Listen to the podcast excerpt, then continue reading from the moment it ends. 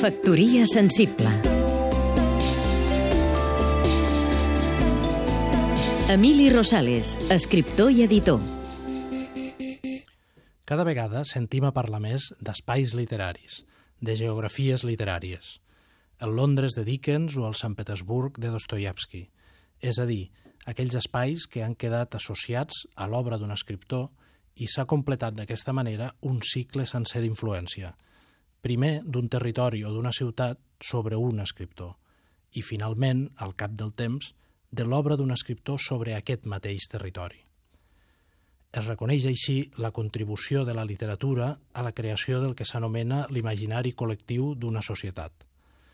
Podríem parlar en aquest sentit del Pirineu de Verdaguer o de l'Empordà de Josep Pla, que són, per cert, els dos grans espais mítics de l'imaginari català.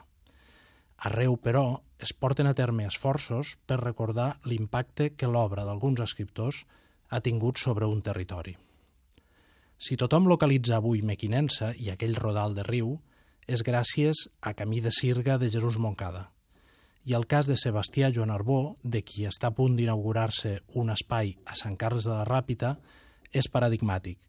Amb la novel·la Terres de l'Ebre no només va donar a conèixer, sinó que, a més a més, va batejar un territori.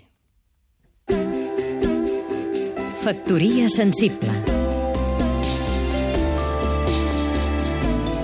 Seguim-nos també a catradio.cat